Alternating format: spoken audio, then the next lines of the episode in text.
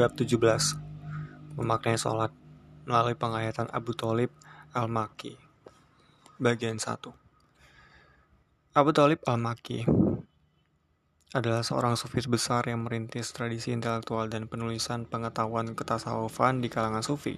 Ia bernama lengkap Muhammad bin Ali bin Atiyah Al-Harisi Al-Maki. Sejak masa mudanya, ia dikenal sebagai orang yang haus ilmu dan menempuh jalan sufi, zuhud. Di kota kelahirannya Mekah, ia belajar Al-Quran tafsir, hadis, fikih, dan tasawuf kepada beberapa ulama. Namun kecintaannya kepada ilmu pengetahuan dan khususnya tasawuf mendorongnya untuk merantau ke Basrah lalu ke Baghdad, dua pusat kebudayaan Islam pada waktu itu. Ia pun mendalami ilmu agama dan melahirkan karya utamanya, Qod al-Qulub fi Mu'amalah al-Mahub wa Was Torik al-Murid ila Makom al-Tauhid santapan hati mengenai muamalah kekasih dan penjelasan jalan murid menuju tataran tataran tauhid. Sebuah karya tasawuf yang menyelaraskannya dengan syariat dalam karyanya ini yang menjelaskan bahwa tasawuf adalah inti syari syariat dan amaliyah. Para sufi adalah sebuah adalah buah pelaksana syariat. Sebagai karya rintisan Qud al-Qulub karya Abu Talib al-Maki sering jadikan rujukan. Menurut sebagian ahli, puncak pembentukan literatur sufi terjadi pada masa Al-Qushairi.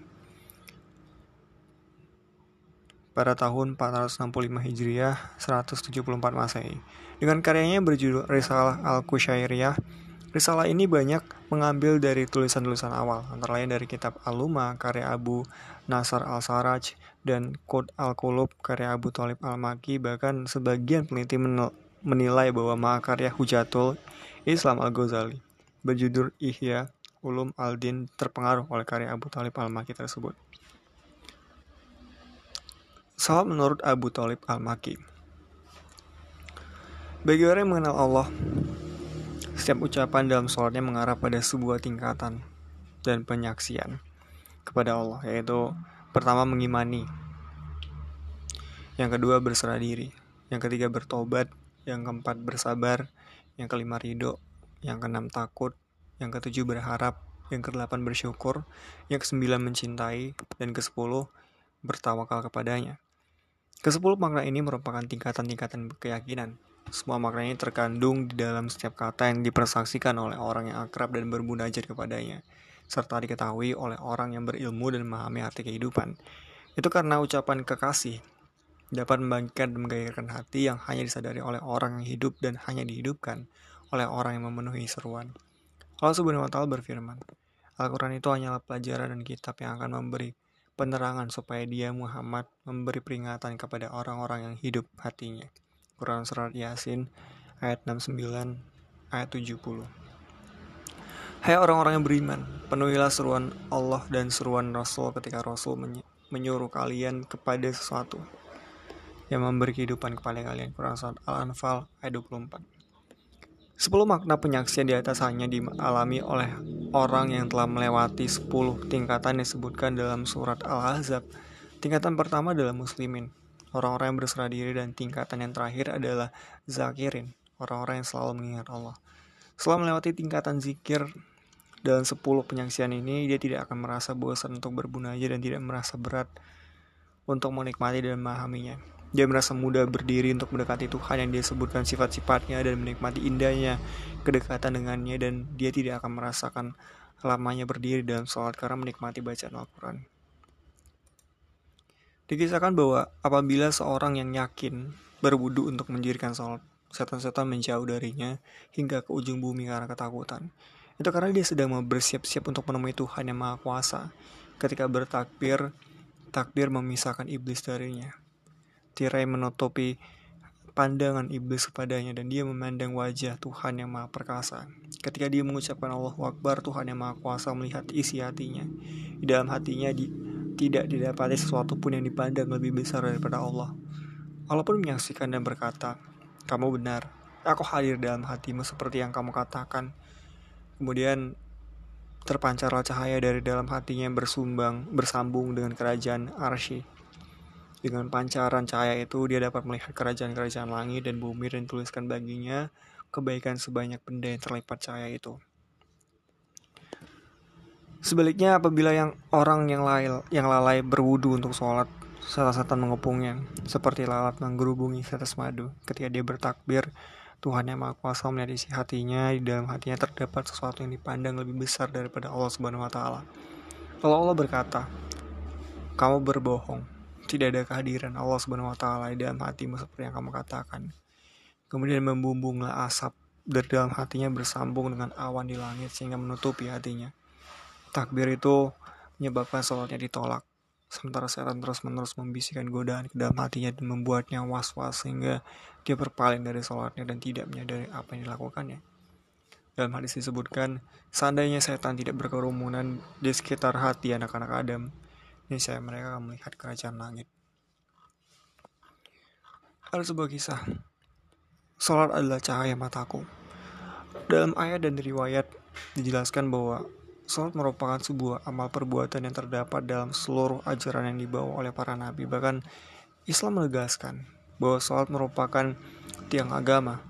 Sebagaimana lempengan besi dapat membelokkan arah jarum kompas, kecenderungan dan nafsu manusia juga akan menyimpangkan jiwa manusia. Dan demi menjaga agar jarum kompas tidak menunjukkan arah yang salah, kita harus menyingkirkan lempengan besi dari sekitar kompas itu sehingga jarum kompas berada pada posisi normal.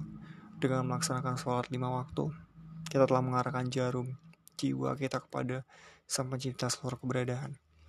Rasulullah bersabda, Dosa-dosa manusia saat dia melaksanakan sholat akan jatuh berguguran laksana daun pohon yang berguguran.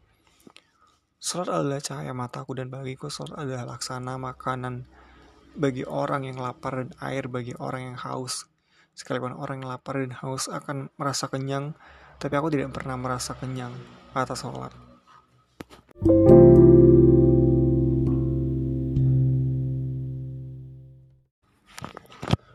Bab 18 Pemaknai sholat melalui pengayatan Abu Talib Al-Maki bagian 2 Diriwayatkan bahwa Rasulullah SAW pernah marah karena melihat dahak di tempat sujud. Beliau mengoreknya dengan tongkat yang sedang beliau pegang sambil berkata, ambilkan parfum. Hal beliau mengoleskan minyak zafaran pada bekas dak tersebut. Setelah itu beliau menoleh kepada para sahabatnya sambil bertanya, Adakah di antara kalian orang yang mau diludahi mukanya? Para sahabat menjawab, Tidak. Beliau berkata, Hendaklah diketahui bahwa ketika seorang di antara kalian melaksanakan sholat, sungguhnya Allah Subhanahu wa Ta'ala ada di antara dirimu dan arah kiblat. Diriwayatkan bahwa apabila seorang hendak melaksanakan sholat lalu mengucapkan Allahu Akbar, Allah berkata kepada para malaikat, angkatlah tirai yang menutupi antara diriku dan hambaku. Apabila dia menoleh, Allah berkata, Wahai hambaku, kepada siapa engkau berpaling? Aku lebih baik daripada dia. Apabila dia khusyuk dalam sholatnya, hatinya akan menyaksikan bahwa dia sedang berdiri di hadapan Tuhan semesta alam pada hari yang setara dengan 50 ribu tahun di dunia. Lalu dia merasakan kehadirannya di hadapan Tuhan yang Maha Perkasa. Hal itu karena dia tidak termasuk orang-orang yang lalai. Hal gaib pun menjadi hadir baginya dan dia segera mengagungkan Tuhan yang maha hadir. Dirinya disibukkan dengan mengagungkan Tuhan yang maha dekat dan diliputi ketakutan kepada Tuhan yang maha mengawasi.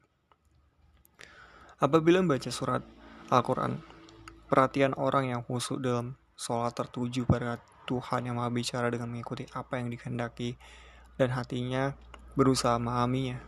Apabila dia ruko, hatinya ikut mengagungkan Tuhan yang Maha Agung sehingga di dalam hatinya tidak ada sesuatu yang dipandang lebih agung daripada Allah Subhanahu wa taala. Apabila berdiri lagi dia memanjatkan pujian kepada Tuhan yang Maha terpuji, lalu menyampaikan rasa syukur kepada Tuhan yang Maha kasih. Kemudian dia memohon karunia darinya dan hatinya menjadi tentram karena ridho kepadanya dan itulah hakikat pujian. Apabila apabila dia bersujud, Perasaan hatinya membumbung ke puncak tertinggi sehingga dia mendekat kepada Tuhan yang maha tinggi. Allah subhanahu wa ta'ala berfirman, dan sujudlah dan dekatkanlah dirimu kepada Tuhan. Quran Surat Al-Alaq ayat 19 Orang-orang yang menyaksikan kehadiran Allah dalam sujudnya memiliki tiga tingkatan. Pertama, tingkatan orang-orang yang didekatkan kepada Allah, al-muqarrabin, dan orang-orang yang mencintai, al-mahbub, al-mahbubin. Apabila bersujud ditampakkan kepadanya alam jabaru tertinggi sehingga dia naik dan mendekat kepada Tuhan yang maha dekat. Kedua, tingkatan orang-orang yang takut al-kaifun dan ahli ibadah al-abidin kepada Allah Subhanahu wa taala. Apabila bersujud ditampakkan kepadanya alam kerajaan yang agung, Malakut Al-Izzah. Dia bersujud di atas ranah tanah kehinaan di hadapan salah satu sifat Tuhan yang maha kuasa dan maha mulia.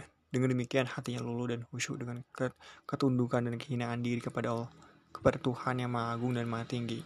Ketiga tingkatan orang-orang yang tulus dan benar, sadikin dan orang-orang yang selalu mencari keridhaan Allah Subhanahu wa taala, Taliban, Talibin. Apabila bersujud, hatinya berkelana ke kerajaan langit-langit dan bumi lalu kembali dengan membawa banyak faedah dan karunia yang berlimpah. Adapun orang yang tidak menyaksikan kehadiran Allah dalam sujudnya berada pada tingkatan orang-orang yang tidak memiliki sedikit pun sifat yang pantas mendapatkan pujian.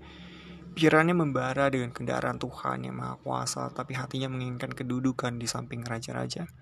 Mereka adalah orang-orang yang terselimuti keinginan rendah dan tidak menyaksikan Tuhan yang maha tinggi, berpagar hawa nafsu, serta enggan mencapai pengetahuan tentangnya. Apabila orang yang sholatnya khusyuk ini berdoa, dia memandang Tuhan yang kepadanya doa itu dipanjatkan sehingga dia mulai memuliakan dan memujinya dan lupa pada hajat duniawinya.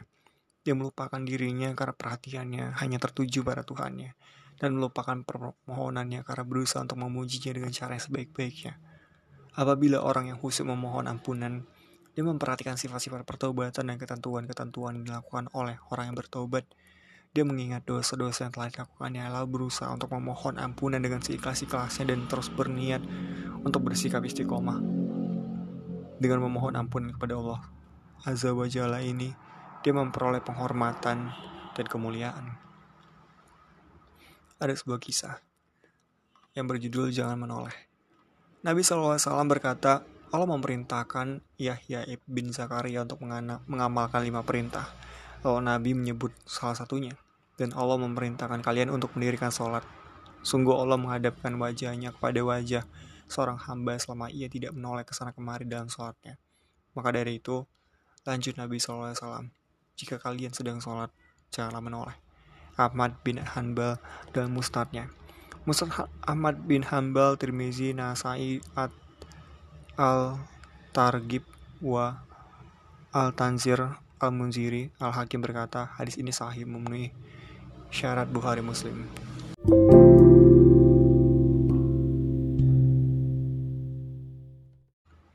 Bab 19 Memaknai sholat melalui pengayatan Abu Talib Al-Maki bagian 3 Berkenaan dengan sifat sholat orang yang khusyuk, banyak hadis menyebutkan bahwa apabila dia berdiri hendak melaksanakan sholat, kira yang menghalangi dirinya dengan Allah Subhanahu wa taala akan tersingkap dan dia menghadap kepadanya. Para malaikat pun berdiri di belakangnya hingga memenuhi udara di sekelilingnya. Mereka mengikuti sholatnya dan mengamini doanya. Selain itu, berbagai kebaikan dicurahkan kepadanya dari awan-awan langit sampai ke ujung kepalanya dan ada suara yang memanggil-manggil dirinya. Ada pintu-pintu langit yang dikhususkan bagi orang-orang yang sholat. Dan Allah Subhanahu wa taala akan membanggakan saf-saf sholat di hadapan para malaikat. Dalam kitab Taurat disebutkan bahwa Allah Subhanahu wa taala berfirman, "Wahai anak Adam, Janganlah segan-segan untuk berdiri di hadapanku dengan sholat dan menangis. Akulah Allah subhanahu wa ta'ala yang dekat hatimu, dan engkau melihat cahayaku dalam kegaiban. Saya yakin bahwa kelembutan, tangisan, dan keterbukaan yang dirasakan seseorang dalam hatinya merupakan tanda akan kedekatan Tuhan yang maha suci dan maha tinggi dengan hatinya. Diriwayatkan bahwa Nabi Muhammad SAW bersabda, setelah tauhid tidak ada ibadah wajib dari Allah Subhanahu wa taala yang lebih aku sukai selain sholat yang juga dilakukan para malaikat untuk beribadah kepadanya. Di antara mereka ada yang rukuk, sujud, berdiri, dan duduk. Di antara mereka ada yang... Seorang ulama berkata, Soal merupakan pelayanan kepada Allah di muka bumi. Ulama yang berkata, mereka yang melaksanakan sholat adalah orang-orang berkhidmat kepada Allah Azza wa Jalla. Para malaikat yang melaksanakan sholat di langit disebut dengan para pelayan Al-Rahman dan mereka membanggakannya di hadapan para malaikat lain. Dikatakan bahwa jika seorang mukmin melaksanakan sholat dua rakaat 10 baris malaikat yang setiap barisan terdiri dari 10 ribu malaikat, rasa kagum kepadanya. Dan Allah membanggakannya di hadapan 100 ribu malaikat. Hal itu karena orang tersebut telah memenuhi empat rukun sholat, yaitu berdiri, rukuk, duduk, dan sujud yang diberikan Allah Subhanahu wa taala kepada 40 ribu malaikat.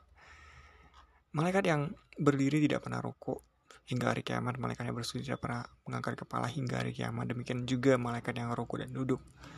Selain itu Allah subhanahu wa taala menghimpun bagi orang menghimpunkan orang bagi orang-orang yang sholat lima rukun sholat yaitu satu pertama bacaan surat Al-Quran kedua pujian ketiga permohonan ampun keempat doa dan kelima sholawat kepada Nabi Muhammad SAW kelima rukun ini dibagikan Allah kepada 50 ribu malaikat karena setiap barisan malaikat beribadah dengan salah satu dari lima macam zikir tersebut. Ketika para malaikat menyaksikan lima rukun dan zikir tersebut dalam dua rakaat seorang mukmin, mereka merasa kagum kepadanya dan Allah Subhanahu wa taala membanggakannya di hadapan mereka. Hal itu karena Allah Subhanahu wa taala telah membagikan amalan-amalan rukun-rukun tersebut kepada 100 ribu malaikat. Dengan demikian, Allah mengutamakan orang yang yakin dalam tingkatan-tingkatan keyakinan dari amaliyah hati atas para malaikat dengan menggabungkan tingkatan-tingkatan tersebut pada dirinya, manusia dan meniadakannya dari mereka, malaikat. Para malaikat tidak berpindah-pindah, tapi setiap malaikat ditempatkan pada tingkatan yang tertentu dan tidak berpindah ke tingkatan lain, seperti tingkatan-tingkatan syukur, takut, harap, rindu, dan cinta. Bahkan setiap malaikat memiliki tingkat yang lebih tinggi daripada tingkatan malaikat lain menurut tingkat kemampuannya. Namun, semua tingkatan itu terkumpul dalam hati orang yang yakin al-mukin. Berkenaan dengan sifat-sifat para kekasihnya, Allah Subhanahu wa taala berfirman, Sesungguhnya beruntunglah orang-orang yang beriman, yaitu orang-orang yang khusyuk dalam sholatnya dan orang-orang yang menjauhkan diri dari perbuatan dan perkataan yang tiada berguna. Quran Surat Al-Mu'minun ayat 1 3. Allah Subhanahu wa taala memuji sholat orang-orang mukmin sebagaimana dia menyebut keimanan mereka. Kemudian dia memuji kehusukan salat mereka dengan senantiasa menyebutkan keadaan-keadaan salat mereka. Dia berfirman dan orang-orang yang memelihara salatnya Quran surat Quran surat Al-Mu'minun ayat 9. Allah menutup firmannya dengan menyebut sifat-sifat mereka. Tentang sifat-sifat hamba-hambanya, Allah menegaskan bahwa orang-orang yang selalu dikecualikan dari orang-orang yang gelisah dalam menghadapi musibah dan kemiskinan. Dia juga mengatakan bahwa tidak mendapatkan harta dan kebaikan kecuali orang-orang yang tetap mem memelihara sholat. Seandainya sholat bukan amalan yang paling Allah Subhanahu wa taala sukai, dia tidak akan menunjukkannya sebagai pembuka dan sekaligus penutup sifat-sifat para kekasihnya, serta tidak menyebut keadaan mereka yang tetap memelihara sholat, tidak pula memuji mereka karena melaksanakannya dengan khusyuk. Kekhusyukan meliputi kerendahan hati dan kelembutan perangai, pengendalian organ-organ tubuh, antusiasme yang besar, keseriusan terhadap sholat, ketenangan hati, dan kepatuhan organ-organ tubuh ketika melaksanakan sholat. Sementara itu, memelihara sholat mencakup makna menghadirkan hati, mengarahkan perhatian, menjernihkan pikiran, memperhatikan waktu sholat dan menjaga kesucian perlengkapan sholat. Semoga Allah taala menjadikan kita termasuk golongan mereka menghadapkan mendapatkan rahmat dan kasihnya.